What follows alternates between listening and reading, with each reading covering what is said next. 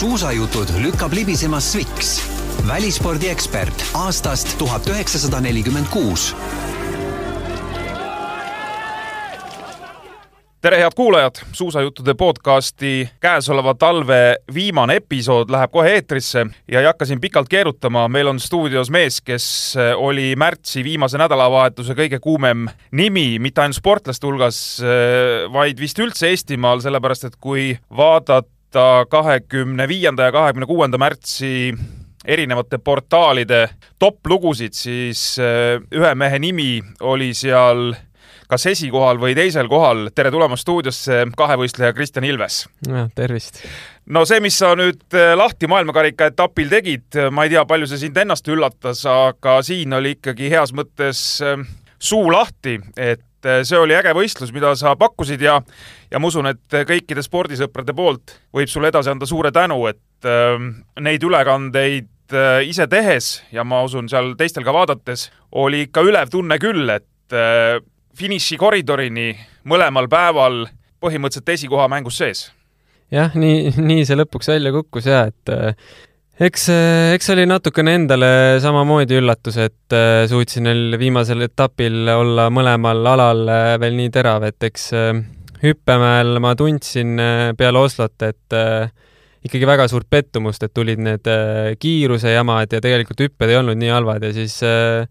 mul oli väga selge eesmärk, lähen äh, Trondheimi, sain neid uusi mägesid proovida. Äh, kolm trenni, mis ma seal tegin, nii väiksed kui suured kokku,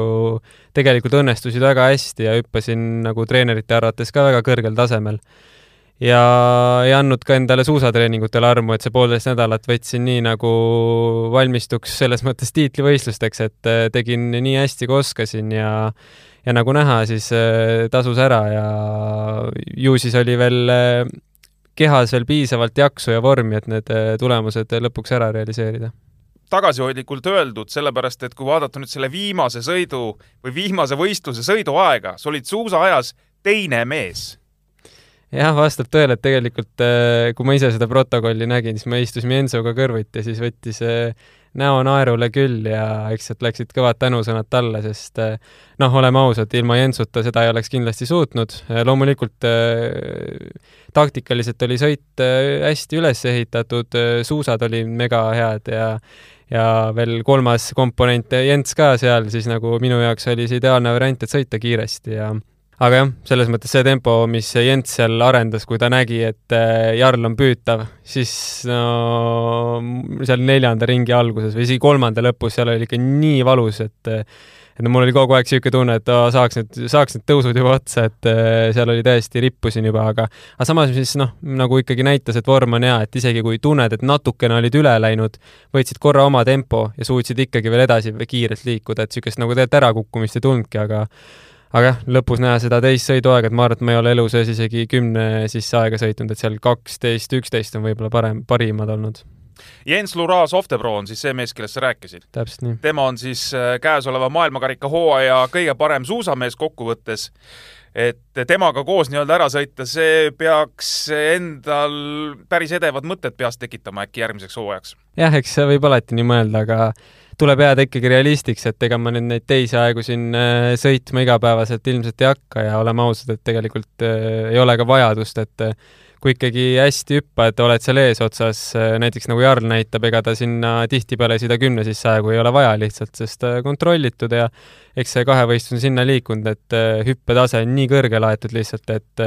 loomulikult suusatades pead väga hea olema, aga aga mida nüüd need võistlused näitasid, et lõpuks eh, peab olema seda taktikalist vaistu, väga head eh, teravust, ma ütlen, et mul nagu teravusest ei jää puudu, aga mis nagu Jarli vastu ikkagi on, tal on see, kui nagu ka lahtis oli näha, see ennem seda tagasipööret, see tõus, mis seal oli, et tal on seda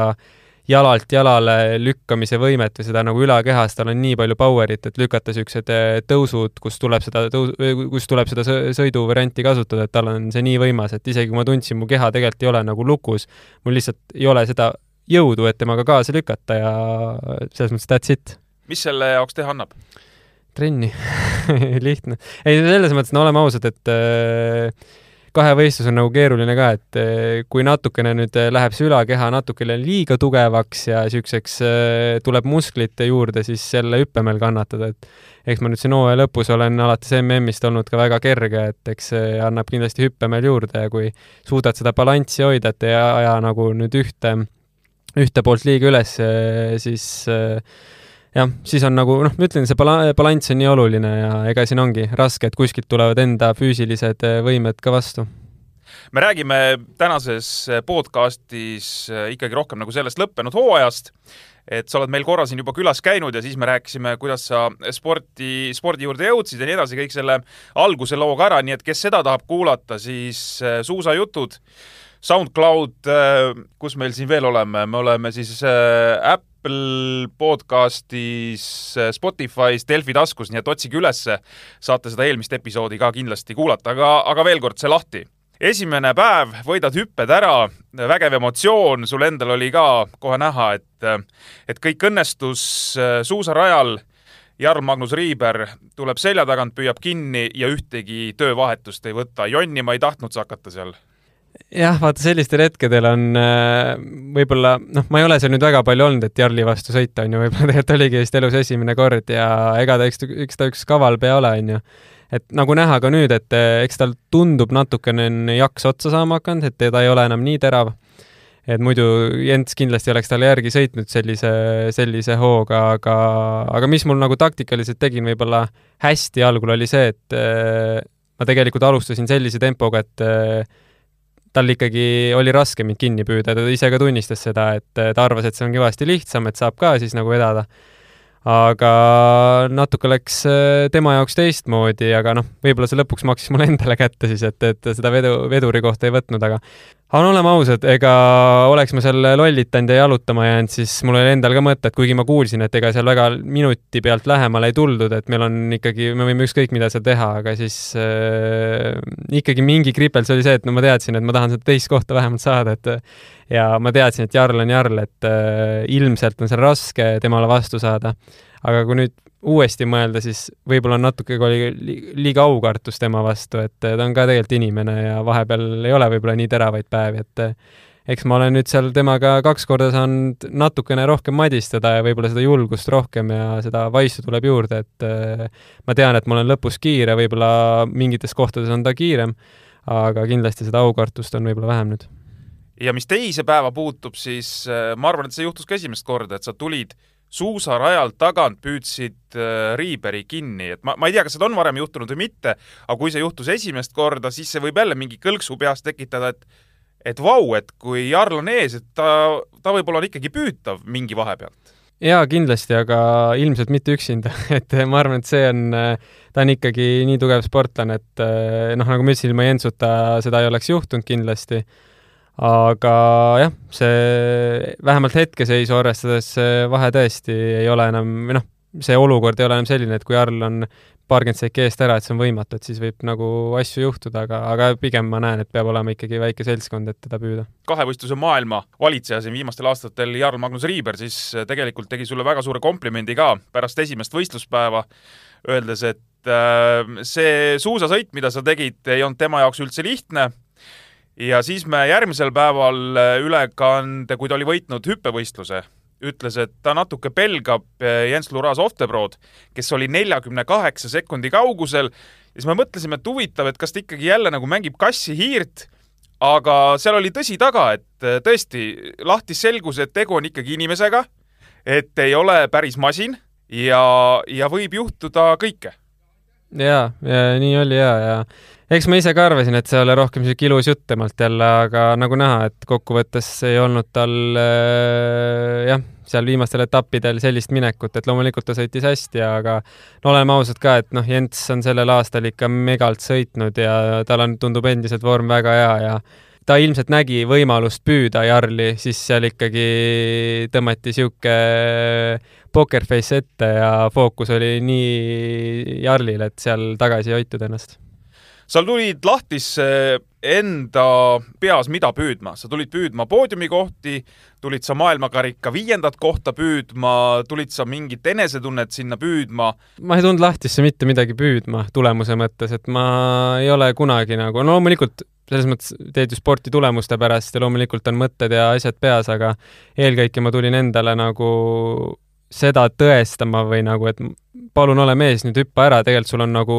vorm olemas, ma tulin tõesti Trondheimis nagu treenerid olid ka, et okei okay,, siit võib midagi head tulla nüüd ja samamoodi ka suusasõidud, et ma tundsin, et vorm on tegelikult päris viisakas. ja oleks jälle nagu väga, kuidas ma ütlen, väga kurb olnud see pilt enda jaoks, justkui oleks jälle seal hüpetes kümnes olnud, mitte seal eesotsas, et et selle ma sain tehtud ja loomulikult need tuuleolud, mis seal valitsesid, tegelikult noh, sealt võib öelda, et loomulikult oli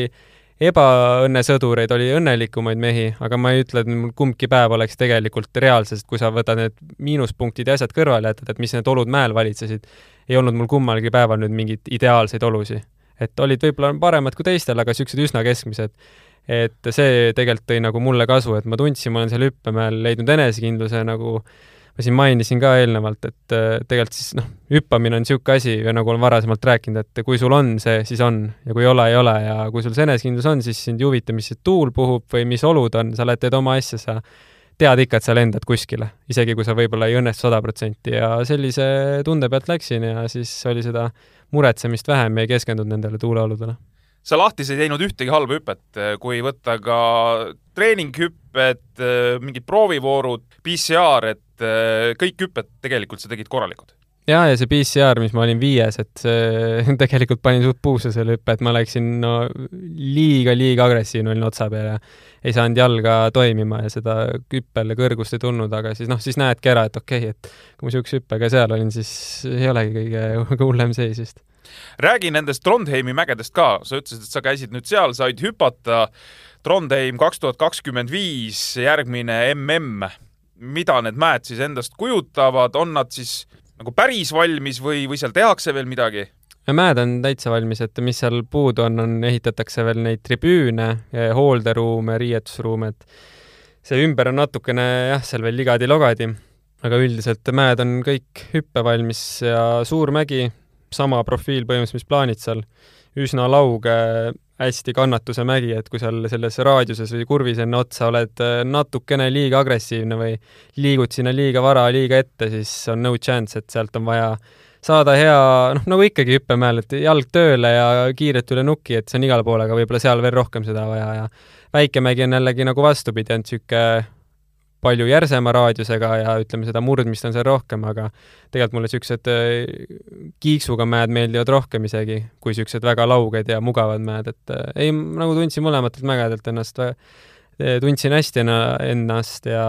ma ei teagi, trennid õnnestusid ja eks alati. Minu arust on nagu väga oluline, et sa saad mägedel kohe niisuguse hea emotsiooni ja tunde kätte, et kui sealt hakkab kohe mingi jama pihta või mingi probleemidega, siis sa ei usalda seda mäge ja see jääb sul kuskil ikka kummitama pähe. see, miks sa Trondheimi läksid, on see, et kui sa Norras oled, siis sa oled Trondheimis? jaa, täpselt, et ma elan seal nüüd põhimõtteliselt kolmandat aastat, loomulikult mitte nagu kogu aeg, et olen ka Eestis, aga jah, see on minu niisugune pesitsuspaik seal. selle Trondheimiga seoses natukene ütleme siin hooaja alguses, kui sul ei olnud kõige parem minek, me räägime sellest hooaja algusest ka, öeldi, et, et võib-olla see Trondheim ei ole hea koht, kuna seal noh, need hüppemäed olid eh, rekonstrueerimisel, hüpata sealsamas ei saanud, eh, noh, et see võis jätta mingisuguse jälje, miks hooaeg ei alanud nii, nagu ta oleks võinud alata. Jaa, kindlasti see on üks põhjus, et tegelikult see on nüüd juba teist aastat, kuna nad on, noh, mäed ju tõmmati täitsa maha, hakati nullist pihta, et et jah, eelmine aasta kuidagi oli veel asi kontrolli all, nüüd oligi, eks no suuresti oligi see probleem selles, et äh, meil oli tahtlik või sihilik plaan ikkagi arendada murdmaad ja ja meil olid põhimõtteliselt hüppeajad niimoodi, et neli-viis päeva läksime Lillehammer lihtsalt sõitsime, kuna me saime noh, seal oli põhimõtteliselt ainukesed mäed, mis nagu toimivad suvel äh, Norras. Ja siis oligi, et sa tegid meeletut murdmaatrenni, keha ei olnud kindlasti valmis hüppama veel. ja siis läksid sinna, ei tulnud midagi, tekkis frustratsioon ja siis läksid jälle tagasi koju, tegid murdmat edasi, läksid sinna ja niimoodi ta oli kuust kuusse ja oli väga raske käima saada ja pluss veel see ka, et äh, tulid nüüd, sellest hooajast tulid uued lõiked kombedele ja hirmutati, et tulevad ka hästi kõrged siis hargimõõdud, ehk siis kombel seda kandepinda jääb väga väheseks, siis me võtsimegi, läksime natukene neid liiga kaugele sellega ja hüppasime põhimõtteliselt olematu siis argivahega, kui võib nii ol-, nii öelda. ja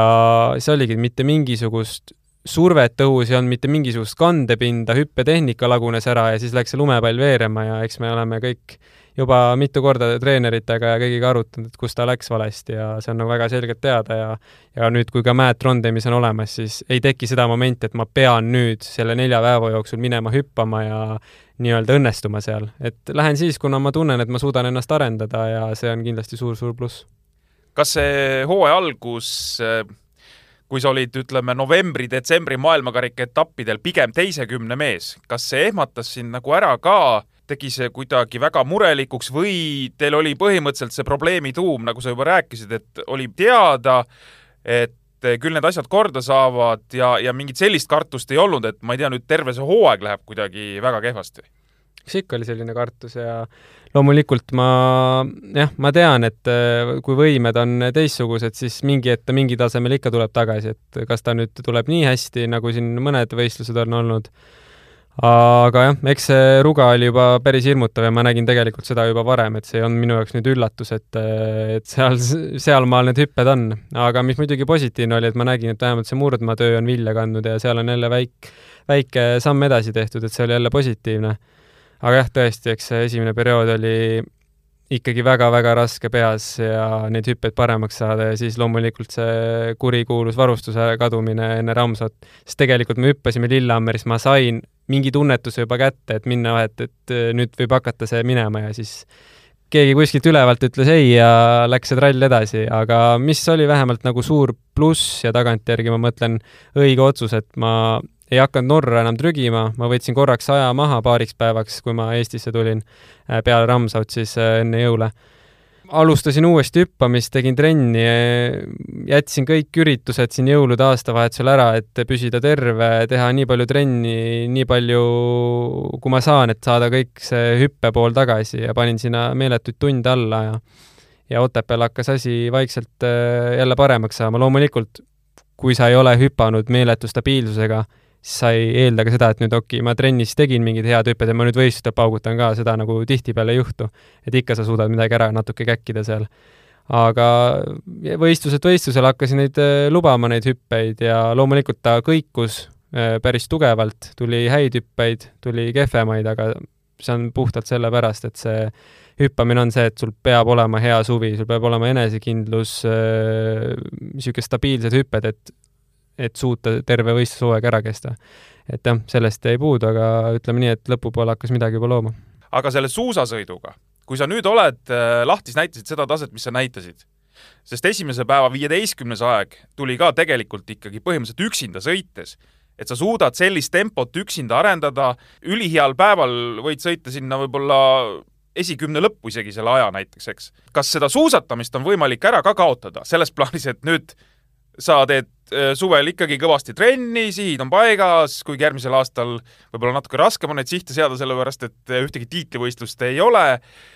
aga tuled suusarajale, ma ei tea, esimestel maailmakarika etappidel novembris ja ei sõida? No ma tahaks uskuda, et mingist latist on jah, nagu nüüd natuke keerulisem allapoole minna, aga spordis nagu teades ei ole mitte midagi, mitte kunagi midagi kindlat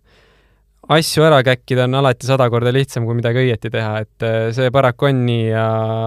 mis ma näen muidugi suur pluss, et äh, meie treener Jan Schmid, äh, ma nagu oma, omavahel kutsun teda nagu mastermindiks, et ta tõsiselt, ta on oma ala spetsialist, ta teab, kuidas vormi ajastada, kuidas suruda kuna õigel ajal, et ta on minu usalduse sada protsenti võitnud ja temaga arutades on neid asju vähe lihtsam mitte ära käkkida siis et aga jaa, eks siin, eks me oleme neid piire kompanud siin alates sellest saadik, kui ma norrakatega liitusin ja ja eks alati ühe aasta töö võib-olla tihtipeale ei kandugi kohe sellesse aastasse, see võib tulla nagu ka aasta hiljem, et eks näha. loomulikult meil on omad äh, mõtted, kuidas veel paremaks saada ja eks siis näha, kuidas õnnestumine siis, kas, kas seda tuleb või mitte, aga ma eeldan küll, et et ma ei usu, et ma nüüd siit väga loodetavasti vähemalt ära kukun ja loodetavasti, kui tervis püsib ja keha on korras, siis, siis peaks asjad hästi olema. sa oled nüüd neli hooaega teinud koostööd norralastega? on neli või? kaks tuhat üheksateist suvest hakkasin no peaks vist olema siis, eks, kaks tuhat kakskümmend ja nii edasi, peaks olema neljas hooaeg. vaatan maailmakarika üldseisu viimasel neljal hooajal, kaks tuhat kakskümmend kevad kolmekümne esimene, kaks tuhat kakskümmend üks seitsmeteistkümnes, mullu viies, tänavu viies. kui nüüd kahte viimast aastat vaadata, siis mullune viies tuli nii, et hüpete arvestuses teine, sõidus kahekümne teine kogu hooaja peale ja selle aasta viies tuli nii, et hüpetes seitsmes ja sõidus kaheksateistkümnes. kumb see kokkuvõtte viies sulle nagu rohkem meeldib, et äh, kas kaks pluss kakskümmend kaks või seitse pluss kaheksateist või tegelikult ei ole väga vahet? tegelikult need on lihtsalt puhas statistika, et äh, loomulikult, mis me saame välja tuua nendest numbrites, et äh, see, et ma seitsmes üldarvestuses peale hüppeid, hüpete kokkuvõttes olen, see on puhtalt selle esimese hooaja poole käkk, kus ma seal kus ma seal olin ikka nagu nendel suht kehvadel kohtadel, ei võta ka Ramsau, kus alustasin kakskümmend pluss kohtadelt ja lõpuks sõitsid ennast sinna teise kümne keskele, et äh, jah, sealt, sealt see lohisema hakkas, aga aga mis see ka näitab, et tegelikult see hüppetase see aasta jälle tõusis meeletult. kui murdmaatase ikka nagu kuidagi, kui ise arened rohkem äh, võib-olla kui teised, siis tundub, et oo, et noh, murdmaatase ei olnud midagi hullu, eks seal ka pannakse juurde, aga hüppetase ja just, et eks paljud tiimid ole nüüd äh, aru saanud Jarli selle fenomenist, et äh, kui me tahame MK-etappe võita või olla poodiumil, siis äh, see asi tuleb ära unustada, et, äh, et küll me sõidame sinna, et, et ei ole enam tegelikult mitte ühtegi sõitjat kahevõistluses, kes sõidaks kümme pluss kohtadelt väga sinna poodiumile, okei okay,, poodiumile, aga no kindlasti mitte võitu. Et kui Jarli tahab alistada keegi, siis näiteks Kaigeri näol, siis ta peab hüppama väga lähedale talle et see juhtuks ja olema Jarlil halb päev näiteks, et äh, jah, hüpped on meeletult olulised, äh, aga ikkagi on kahevõistlus, et kui suusatada ei jõua, siis ka ei ole midagi teha enne kui me läheme Plaanitsa maailmameistrivõistluste juurde, siis äh, korra veel põikaks lahtist läbi. Erik Frentsel lõpetas karjääri ja viimasel päeval oli tegelikult väga vahva vaadata, mida Frentzelile siis korraldati, alates sellest, kui mees suusarajale läks, siis kui ta finišeeris, kui tal see spetsiaalne vest selga tõmmati seal enne finišit veel, et äh, väga kõva mees olnud äh, omal ajal, okei okay,, hetkel juba ikkagi kolmkümmend neli ja, ja parimad päevad selgelt möödas, aga väga-väga vahva, et, et üks spordiala saadab äh,, noh, mis ta siis oli, umbes kümme aastat tagasi ikkagi totaalne valitseja kahevõistlusradadel, saadab sellise mehe nii väärikalt ära? jah, no tegelikult oli isegi lähemal kui kümme, et ta veel valitses sinnamaani, kui Jarl ja kuni seitseteist vist, eks? jah ja,, põhimõtteliselt sinnakanti ja, et eks äh, jaa, ei, ta on inimesena ka hästi tore ja niisugune sümpaatne kuju ja niisugune vaoshoitud ja ja ma ütlengi, et kui Jarl nüüd hakkas siin domineerima, siis tegelikult enne teda oligi ju Eerik, kes seda ala nii meeletult edasi kandis, näitas suunda, kuhu üks kahevõistlus peab kuuluma, hüpatakse esimeseks, sõidetakse esimesi taegu põhimõtteliselt ja ja Jarl võttis talt teatepulga üle, et need kaks meest kindlasti on seda ala meeletult lükanud ja jah, ja Eerik nüüd kas ta nüüd sai oma kaheksateistkümnenda tiitlivõistluste medali, kui ma ei eksi, et tõusis sellega vist suusaalade üldse vist jaa, vist küll, jah. et äh, noh, meeletult äh, kõva sportlane ja, ja inspiratsioon ilmselt äh, kõikidele kahevõistlejatele. Jarn Magnus Riiber, kes siis on teatepulga üle võtnud Erik Frentselilt, kaheksakordne maailmameister, olümpialt küll ainult hõbe kaks tuhat kaheksateist äh, sai siis meeskondliku hõbeda PyeongChangis. Äh, Covid murdis mehe maha, nii nagu sinugi äh, Pekingi olümpialt ja on siis kahekordne juunioride MM-kuld ka. kas see, et tal olümpialt nüüd ei ole ikkagi korralikku noosi, see nüüd välistab võimaluse, et temal võiks mingil hetkel motivatsioon otsa saada? seda ennem ei lõppe, kui ta oma kullad on ära võtnud, et noh, ma selles mõttes muidugi on raske spekuleerida, aga aga ma arvan, et kui ta sealt kakskümmend kuus aastal oma töö ära teeb, siis noh, ma ütleks, et väga raske oleks näha, et see mees leiaks motivatsiooni, et veel siin äh, kühveldada neli aastat, et et jah, siis ta on küll kõik saavutanud ja tal on ilmselt äh, veel siht Hannu Manninen ära võtta nende mm, võitudega, et üheksakümmend on vist. see on poodiumid. ei, poodiumid tähendab jah, see on järgmine, et võit, võidud juba on. võidud juba on jah, see on poodiumid jah, et eks see on kindlasti tal veel ja ma ei teagi, kuhu, kuhu veel siis. ja pluss siis äh, maailmakarikasarjad on võitnud neli korda, Frenzel viis, et noh, see on ka veel ütleme selline, mis on mis ei ole tema käes. jah, ja eks see hooaeg oligi, eks ta kindlasti tahtis ka sinna järgi minna, et see võtta viiest ja ta on vist, kui ma ei eksi, siis Frenzel on viis järjest, järjest võtnud just, ja temal jah. oli ka see võimalus mm -hmm. võtta viis järjest ja siis ilmselt kuuendale minna, et et jah, eks mingid asjad tal ilmselt jäävad kripeldama, aga noh, oleme ausad, ta on siin ikkagi teinud vist nii palju, mida noh, varem tehtud ei ole, varem tehtud ei ole ja ilmselt siin ma ei näe küll, et siin kümne aasta jooksul kedagi tuleks, kes suudaks nii teha maailmameistrivõistlused, Norra koondis äh, tegi MM-il puhta töö. kõik kullad äh, ja, ja ühesõnaga teistele midagi ei jäänud. Äh, sa oled õiges keskkonnas jätkuvalt koos kõige tugevamatega, siin ei ole küsimust, et äh, ei ole noh, peas isegi ühtegi teist mõtet, et midagi peaks muutma jah, ei, eks me ikka alati muudame midagi iga aasta, aga mitte nüüd meeletult süsteemselt, et äh, alati üritame paremaks saada, vaadata, mis äh, need nõrgad kohad olid eelmine hooaeg, mida võib-olla teised on paremini teinud ja eks meil juba siin hooaja keskel oli väga palju arutelu, et kus midagi valesti läks ja see on tore, et istume maha ja arutame ja ei ole see, et ah, et küll midagi tuleb, et niimoodi asju paremaks ei saa, et siin on ikkagi Neid on nii palju inimesi, kes selle tulemuste taga on tegelikult ja oma ala professionaale ja,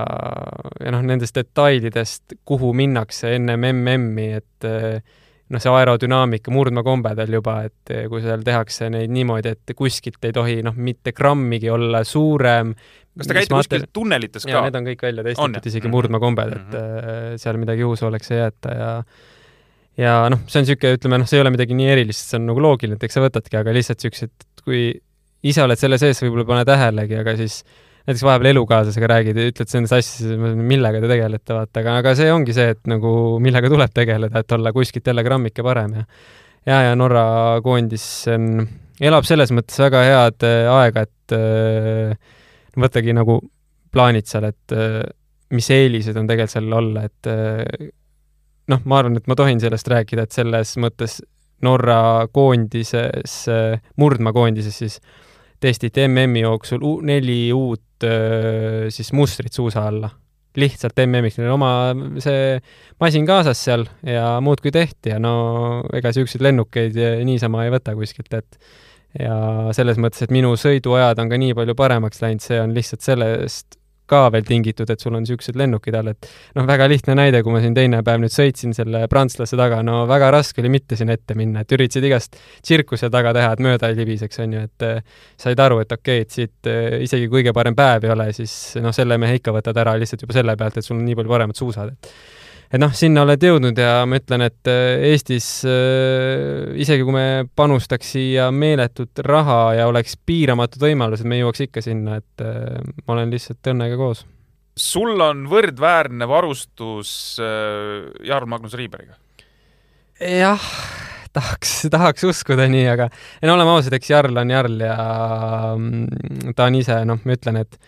heas mõttes täielik friik ta ei ole mitte ainult see, et ta paneb trenniga, aga ta ise ju töötab äh, kombede kallal, ta ise õmbleb kombesi, see, kuidas ta testib varustust, et noh, me võime küll öelda, et noh, Jarl on nüüd nii palju parem ja mida iganes, et äh, talent ja see, aga see, palju ta panustab, ta panustab kõik oma aja, iga vaba aja lihtsalt, et testida varustust, saada kuskilt jälle paremaks ja ja loomulikult, kui ta tulebki vahepeal natukene niisuguste suuremate kombedega või niisuguste lõigetega, siis äh, noh, antakse talle kuidagi see natukene rohkem võib-olla andeks küll, aga see, et ta on ise need kõik äh, välja testinud ja sinna aega pannud, et see on respekt, et äh, ma ei ole küll ühtegi niisugust sportlast kohanud, kes paneks nii palju aega spordi alla. maailmameistrivõistlustest äh, rääkides sinu valguses, kas oled nüüd selle neljanda koha, selle valusa neljanda koha ära seedinud, ära unustanud, käis see kergelt, käis see raskelt, käib see siiamaani? Eks ikka need äh, õudusunenäod käivad läbi öösiti ei, ma ei tea, ei, nii hull ei ole, ma olen selles mõttes suht äh, kiire läbipõdeja, et äh, esimesed kaks ööd olid küll niimoodi, et äh, tuli järsku lihtsalt mõte öösel üles ärgata, hakata mõtlema, et kus midagi valesti läks ja võtsid öösel lahti ja vaatasid üle, kus ma oleks midagi paremini teinud, sest vaata, valus on siis, kui sa tundsid, et tegelikult sul oli jõudu. Mitte see, et okei okay,, ma olingi omadega kutu, et seal ei olnudki midagi, et noh, neljas koht oli maksimum, aga tollel hetkel lihtsalt äh, nagu ma siin ka rääkisin nagu Jarliga võitlusest, et äh, jäi võib-olla lihtsalt seda instinkti puudu, et mingil hetkel lihtsalt võtta see kümme, kakskümmend sekundit, kulutada ennast, suruda sinna tuimalt vahele lihtsalt, kui veel jõudu on. sest loomulikult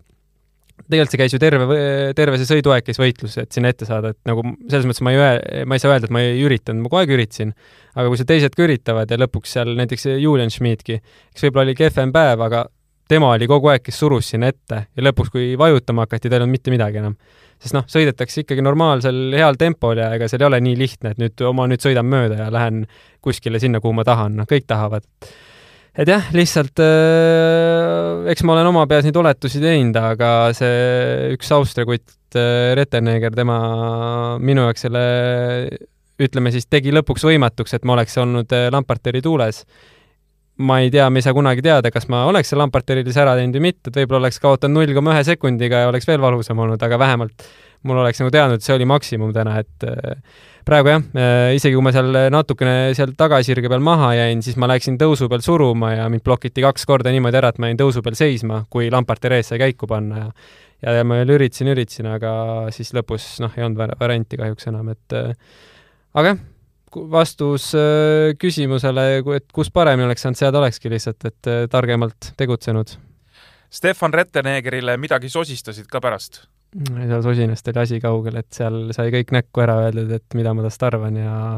ega tal mulle midagi väga tarka vastu ei olnud öelda, et ma ei näinud sind ja siis ma küsisin, et äh,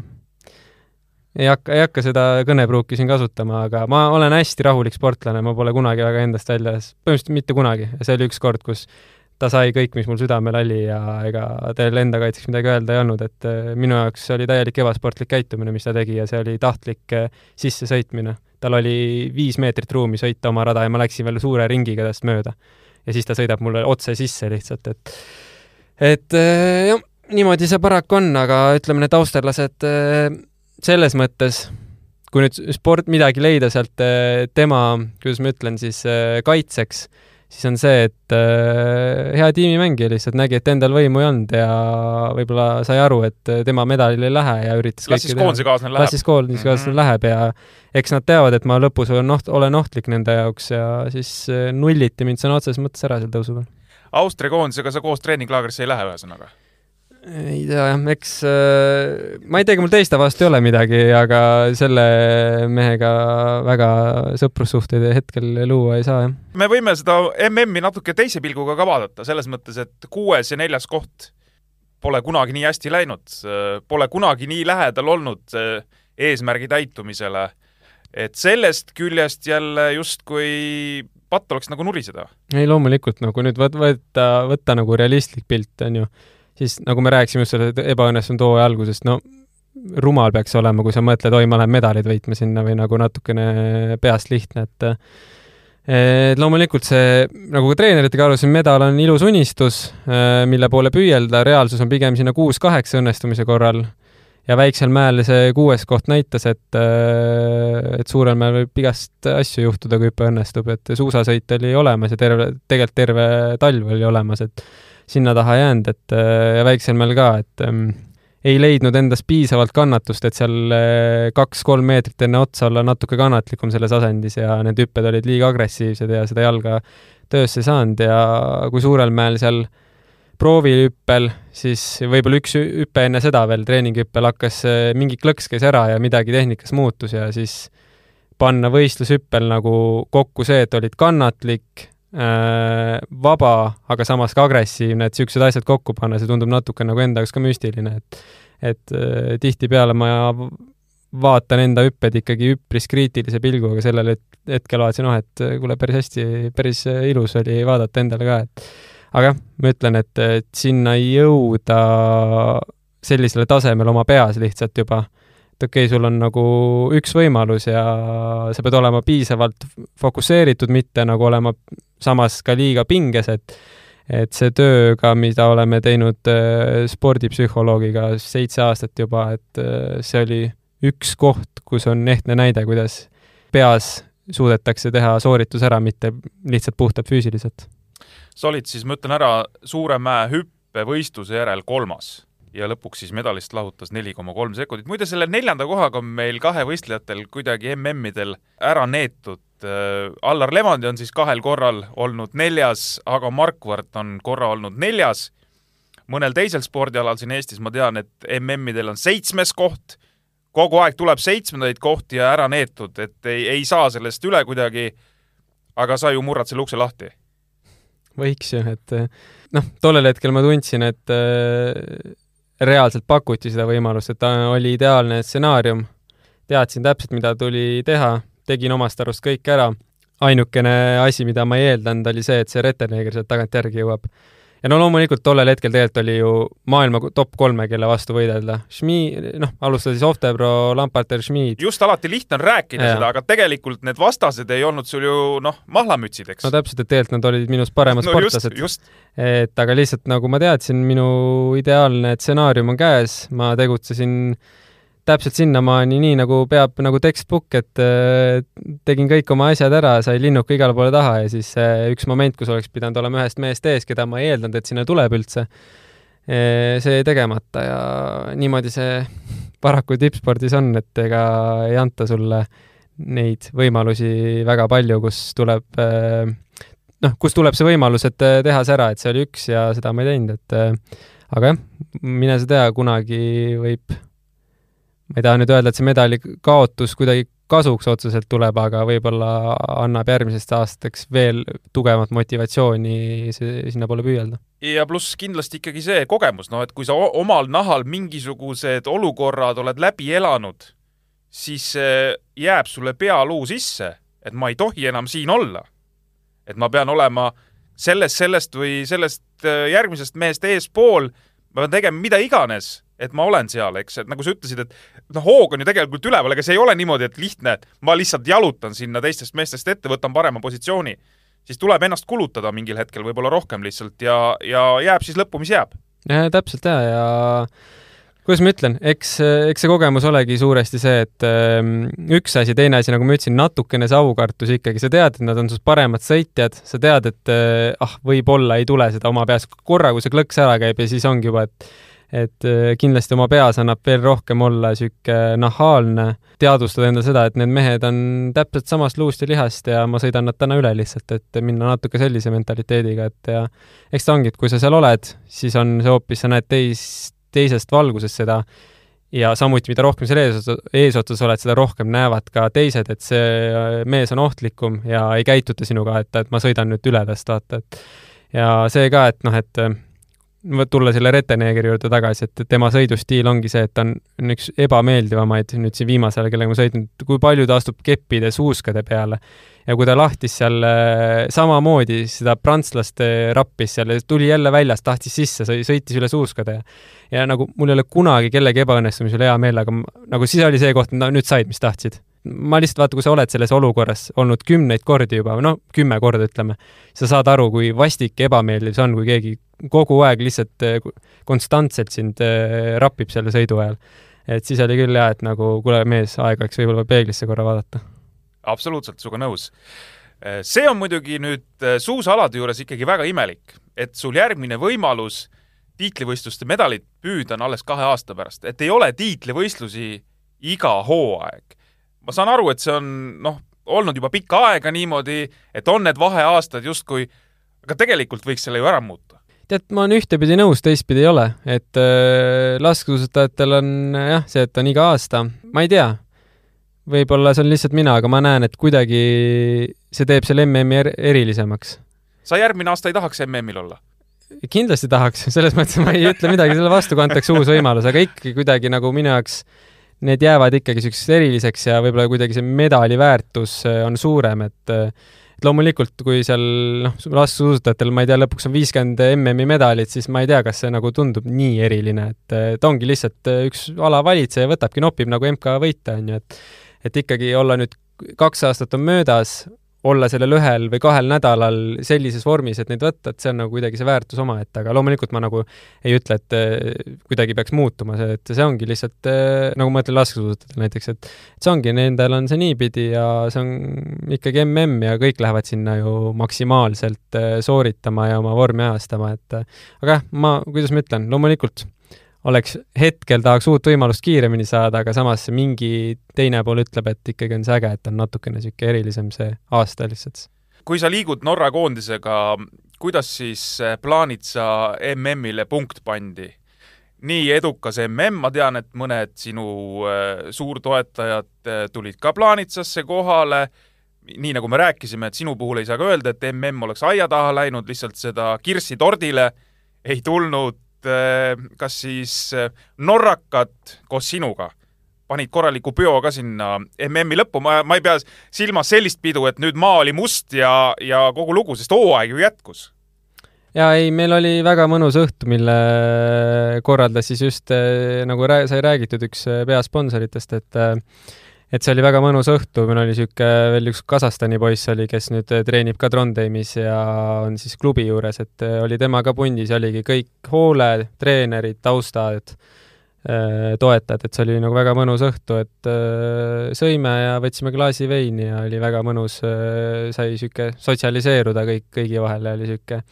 riikidevaheline niisugune põimumine natukene, et ei, väga mõnus õhtu oli ja väga-väga rahulik, aga niisugune kuidagi hästi siiras ja soe õhtu oli ning ma arvan, et kõik jäid väga rahule ja ja samuti on nagu just ka Norra pool oluline, et nagu märgatakse nende tööd, on ju, ja väärtustatakse seda, et see oli kindlasti üks nendest hetkedest, kus nad said veel rohkem aru, kui olulised eh, nad on meile millal hakkad eh, paika sättima järgmise hooaja plaane ja mitte ainult järgmise hooaja, tegelikult võiks ikkagi öelda, et see kaugem siht on ju kaks tuhat kakskümmend kuus olümpia, loomulikult Trondheimi mm sinna vahele, et eh, millal hakkad järgmisi plaane tegema? eks meil tulevad nüüd väga ruttu need eh, miitingud peale juba, et antakse mõni päev peale hooaega peas puhata ja siis juba on hooaja kokkuvõtted ja siis uued plaanid tegelikult meile saadeti juba lahti MK ajal uue aasta kalender välja, et kus me umbes kuskil oleme ja ega selles mõttes, kuidas ma ütlen, ega paljude jaoks see töö ei lõppe ära siis, kui hooaeg läbi saab, et see tegelikult see see on nagu katkematu põhimõtteliselt? see on põhimõtteliselt nagu katkematu, et see on täpselt nii palju, kui keegi tahab endale anda seda puhkehetke või palju on vaja, et äh, noh, mõned on endaga väga karmid, annavad paar päeva ainult ja läheb trenn edasi, mitte võib-olla nii suurtel koormustel, aga ikkagi ja eks ma ise ka tunnen, et eh, noh, tegelikult on nüüd natukene hea, et need Eesti meistrivõistlused veel on, hoiad keha toonuses, võistled ära ja peale seda ikkagi nädalake ikkagi liigutad veel normaalselt, siis võib-olla võtadki sealt aprillist kaks nädalat, kus teed tavaliselt, kus ma olen olnud niimoodi, et äh, lähen siis trenni, kui tahan ja viitsin, et see on see koht kus ma nüüd saan tegeleda muude asjadega ja siis noh, mais läheb ju täie rauaga programm peale jälle ja ega üks, ütleme noh, üks kuu on võib-olla palju, niisugune kaks-kolm nädalat maks, kus tegelikult ei ole niisugust tugevat andmist. siis oled Eestis või, või lähed äh, puhkama kusagile? eelmine aasta käisin puhkamas, see aasta me ei ole plaaninud kuskile kaugele minna, sest ma tunnen praegu, et äh, ma olin ka ju jaanuarist kuni jaanuari algusest peale Otepää MK-d kuni siis MM-i lõpuni olin kahe kohvriga ja hotellitoast hotellituppa, et et ma ei tea, ei kisu väga reisima kuskil hetkel, et äh, ilmselt võib-olla kui, siis ma ei tea, väike nädalavahetus või midagi, et aga vaatab, kodus tundub kuidagi hea praegu. Äh, sinu järgmine suurem eesmärk, äh, kas seda annab kuidagi reastada ka, on see maailmakarikasarja etapivõit, maailmakarikasarja üldvõit, tiitlivõistluste medal, olümpiamedal, et on sul mingi järjestus, äh, kuidamoodi need peaks hakkama nagu tulema, et kas esi, kõige esimene asi on ikkagi noh, arvestades järgmine aasta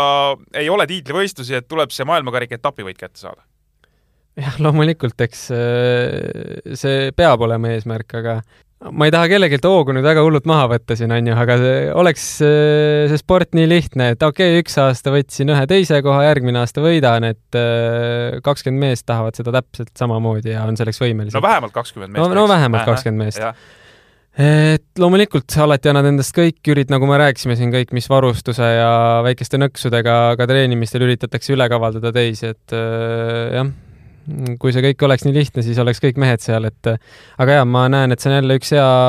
stardikoht, kus edasi toimetada ja nagu nüüd lõpus äh, ka näitas, et Jarl ei ole alistamatu, see on meeletult raske endiselt, noh, ta ei olnud, ta ei teinud kummalgi päeval oma parimat hüpet ja parimat suusasõitu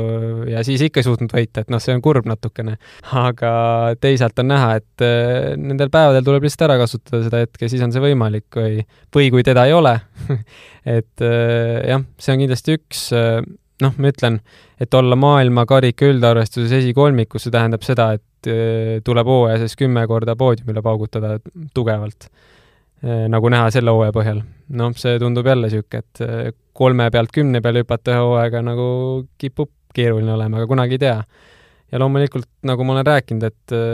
ka eelmine aasta, et minu eesmärgid on vähemalt üks medal võtta nendelt kolmelt tiitlivõistlustelt, mis ees ootavad üks aasta läks mööda, kahjuks ei tulnud, kaks on alles, et see kindlasti ja kõik, mis sealt ülespoole võtan vastu, et äh, kuskile piire ei sea endale. See, et Johannes Lamparter võitis äh, maailmakarika hooaja, äh, tõsi, väga selge edu taustaga, et tema nüüd võidab maailmakarikasarja ära, kahekümne ühe aastane noormees, võiks öelda et see oli üllatav või, või ei olnud? no see, jätame selle Riiberi selles mõttes mm. kõrvale, et kui ta oleks ikkagi kõik etapid kaasa teinud, küll see Riiber oleks ära võitnud, aga ülejäänutest, ütleme, oli ikkagi Lamparter siis parim jaa, ei, ma ütleks päris see, no kas, no ma saan öelda, et päris selgelt, aga ikkagi jah, Jarli kõige lähe, lähim ohustaja ja no tead, eelmine aasta ju näitas, et äh, võitlesid viimase meetrini üldvõidu eest, et äh, ei olnud minu jaoks mingi üllatus, aga jah, ilmselt ma ütlen ikkagi, et äh, jah, Jarl kõrvale jätta, siis ta vääris seda kõige rohkem, aga Jarl oleks need etapid kaasa teinud, siis ilmselt ei oleks seda juhtunud ikkagi veel kas see võib mingil määral näidata ka seda, et nüüd austerlased äkki lähimatel aastatel tõusevad äh, vähe võimsamalt norralaste kõrvale, et austerlased polnud maailmakarika üldvõitu saanud siin üle kahekümne aasta? jaa, no ma ütlen, Austrial tegelikult oli eriti see aasta on no, väga tugev tiim tegelikult. see, et Reeril oli, ma ei tea, ikkagi mitu korda poodiumil äh, üldiselt seal, ma ei tea, kas seal väga keegi rohkem poodiumile sai või mitte, ma ei mäletagi, aga nad no, olid äh, siin äh, Toomas Rettenegger sai üllatuslikult ah, vaata Otepää etapil poodiumile, eks. et see oli rohkem niisugune -hmm. üllatus, aga aga jah, nagu kogu koondis nad ikkagi hüppasid väga hästi, nad olid selgelt äh, edasi arenenud tiimina ja ja ei, selles mõttes müts maha, et nad on suurt tööd teinud ma ei, ausalt öelda ei oskagi midagi väga rohkem pinnida selle hooaja kohta, mingi selline lõbus lugu ka sellest hooajast äh, oleks äh, publikule pakkuda, pean silmas, et oli mingi eriline olukord kusagil võistlustel või, või treeninglaagris või, või mis iganes, et äh, on jäänud kuidagi veel ajakirjanikel sinu käest välja pinnimata? eks see varustuse kadumine, see oli niisugune kõige ebameeldivam, aga samas niisugune hale naljakas, kui tagant vaadata, et läksin noh, kui seal Ramsausse jõudsin, siis kujutage ette, sa oled nagu varustust testinud aastaid, mis on sulle parim ja siis sa lähed, hüppad kõik hüpped erinevate kiiludega, mis saapa sisse käib ja üks kiil on üks kõige olulisem asi, see on täpselt sinu ära testid, mis nurga all, kui paks ta peab olema, kus ta surub, kus mitte. kes need kiilud sulle äh, laenas siis äh,? ma käisingi, et üks äh, hüppe laenasin austerlastelt, teiste sakslaselt, siis proovisin norrakate omi ja siis iga hüppe hüppasid erineva kiiluga ja no siis oli küll nagu, et mis kuradi amat-, amatöörlusega ma tegelen, no vabandust väljendus, aga nagu see oli tõesti nagu, et miks ma olen siin nagu reaalselt, ma ei peaks siin olema praegu. loomulikult tegid kõik ära, lõpetasid veel seal, mis koht oli, kas äkki viisteist, seitseteist, et noh, hüpped olid täiesti, sellest ma üldse ei räägi, aga noh, suusasõit vähemalt oli korras ja siis äh,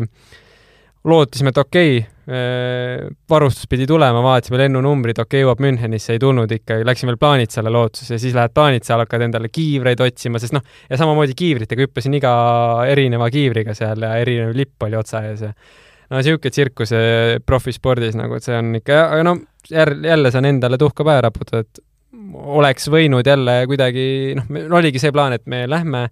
anname maksimumi ennast, endast seal Lillehammeris, et hüpata veel, saada paremaks, varustus, kõik see enda hea varustus oli kaasas, mingid varusuusad, mingid kombed saatsin ära. ja, ja siis mõtled küll, et okei okay,, nüüd oled no nii paranoiline, lahtisse lendasin ka, et et kõik asjad läksid käsipagasisse, kõik, mis mahtus, et midagi sinna, isegi otse lendan, no ei ole mingit usaldust eh, lennu, lennufirmade vastu enam, et et jah, ja siis nagu plaanitsale läksime edasi hüppama ja siis äh, see oli ka katastroof, otsisin kiivreid taga seal, küsisin, kes saab laenata ja ja tegelikult ju Jensul ja Jörgenil ka oli, aga neil oli rohkem varuasju kaasas lihtsalt, et ja see oli, see oli kohutav ja, ja tegelikult oligi, mis mul nagu hea mälestus oli plaanitsast enne siis äh,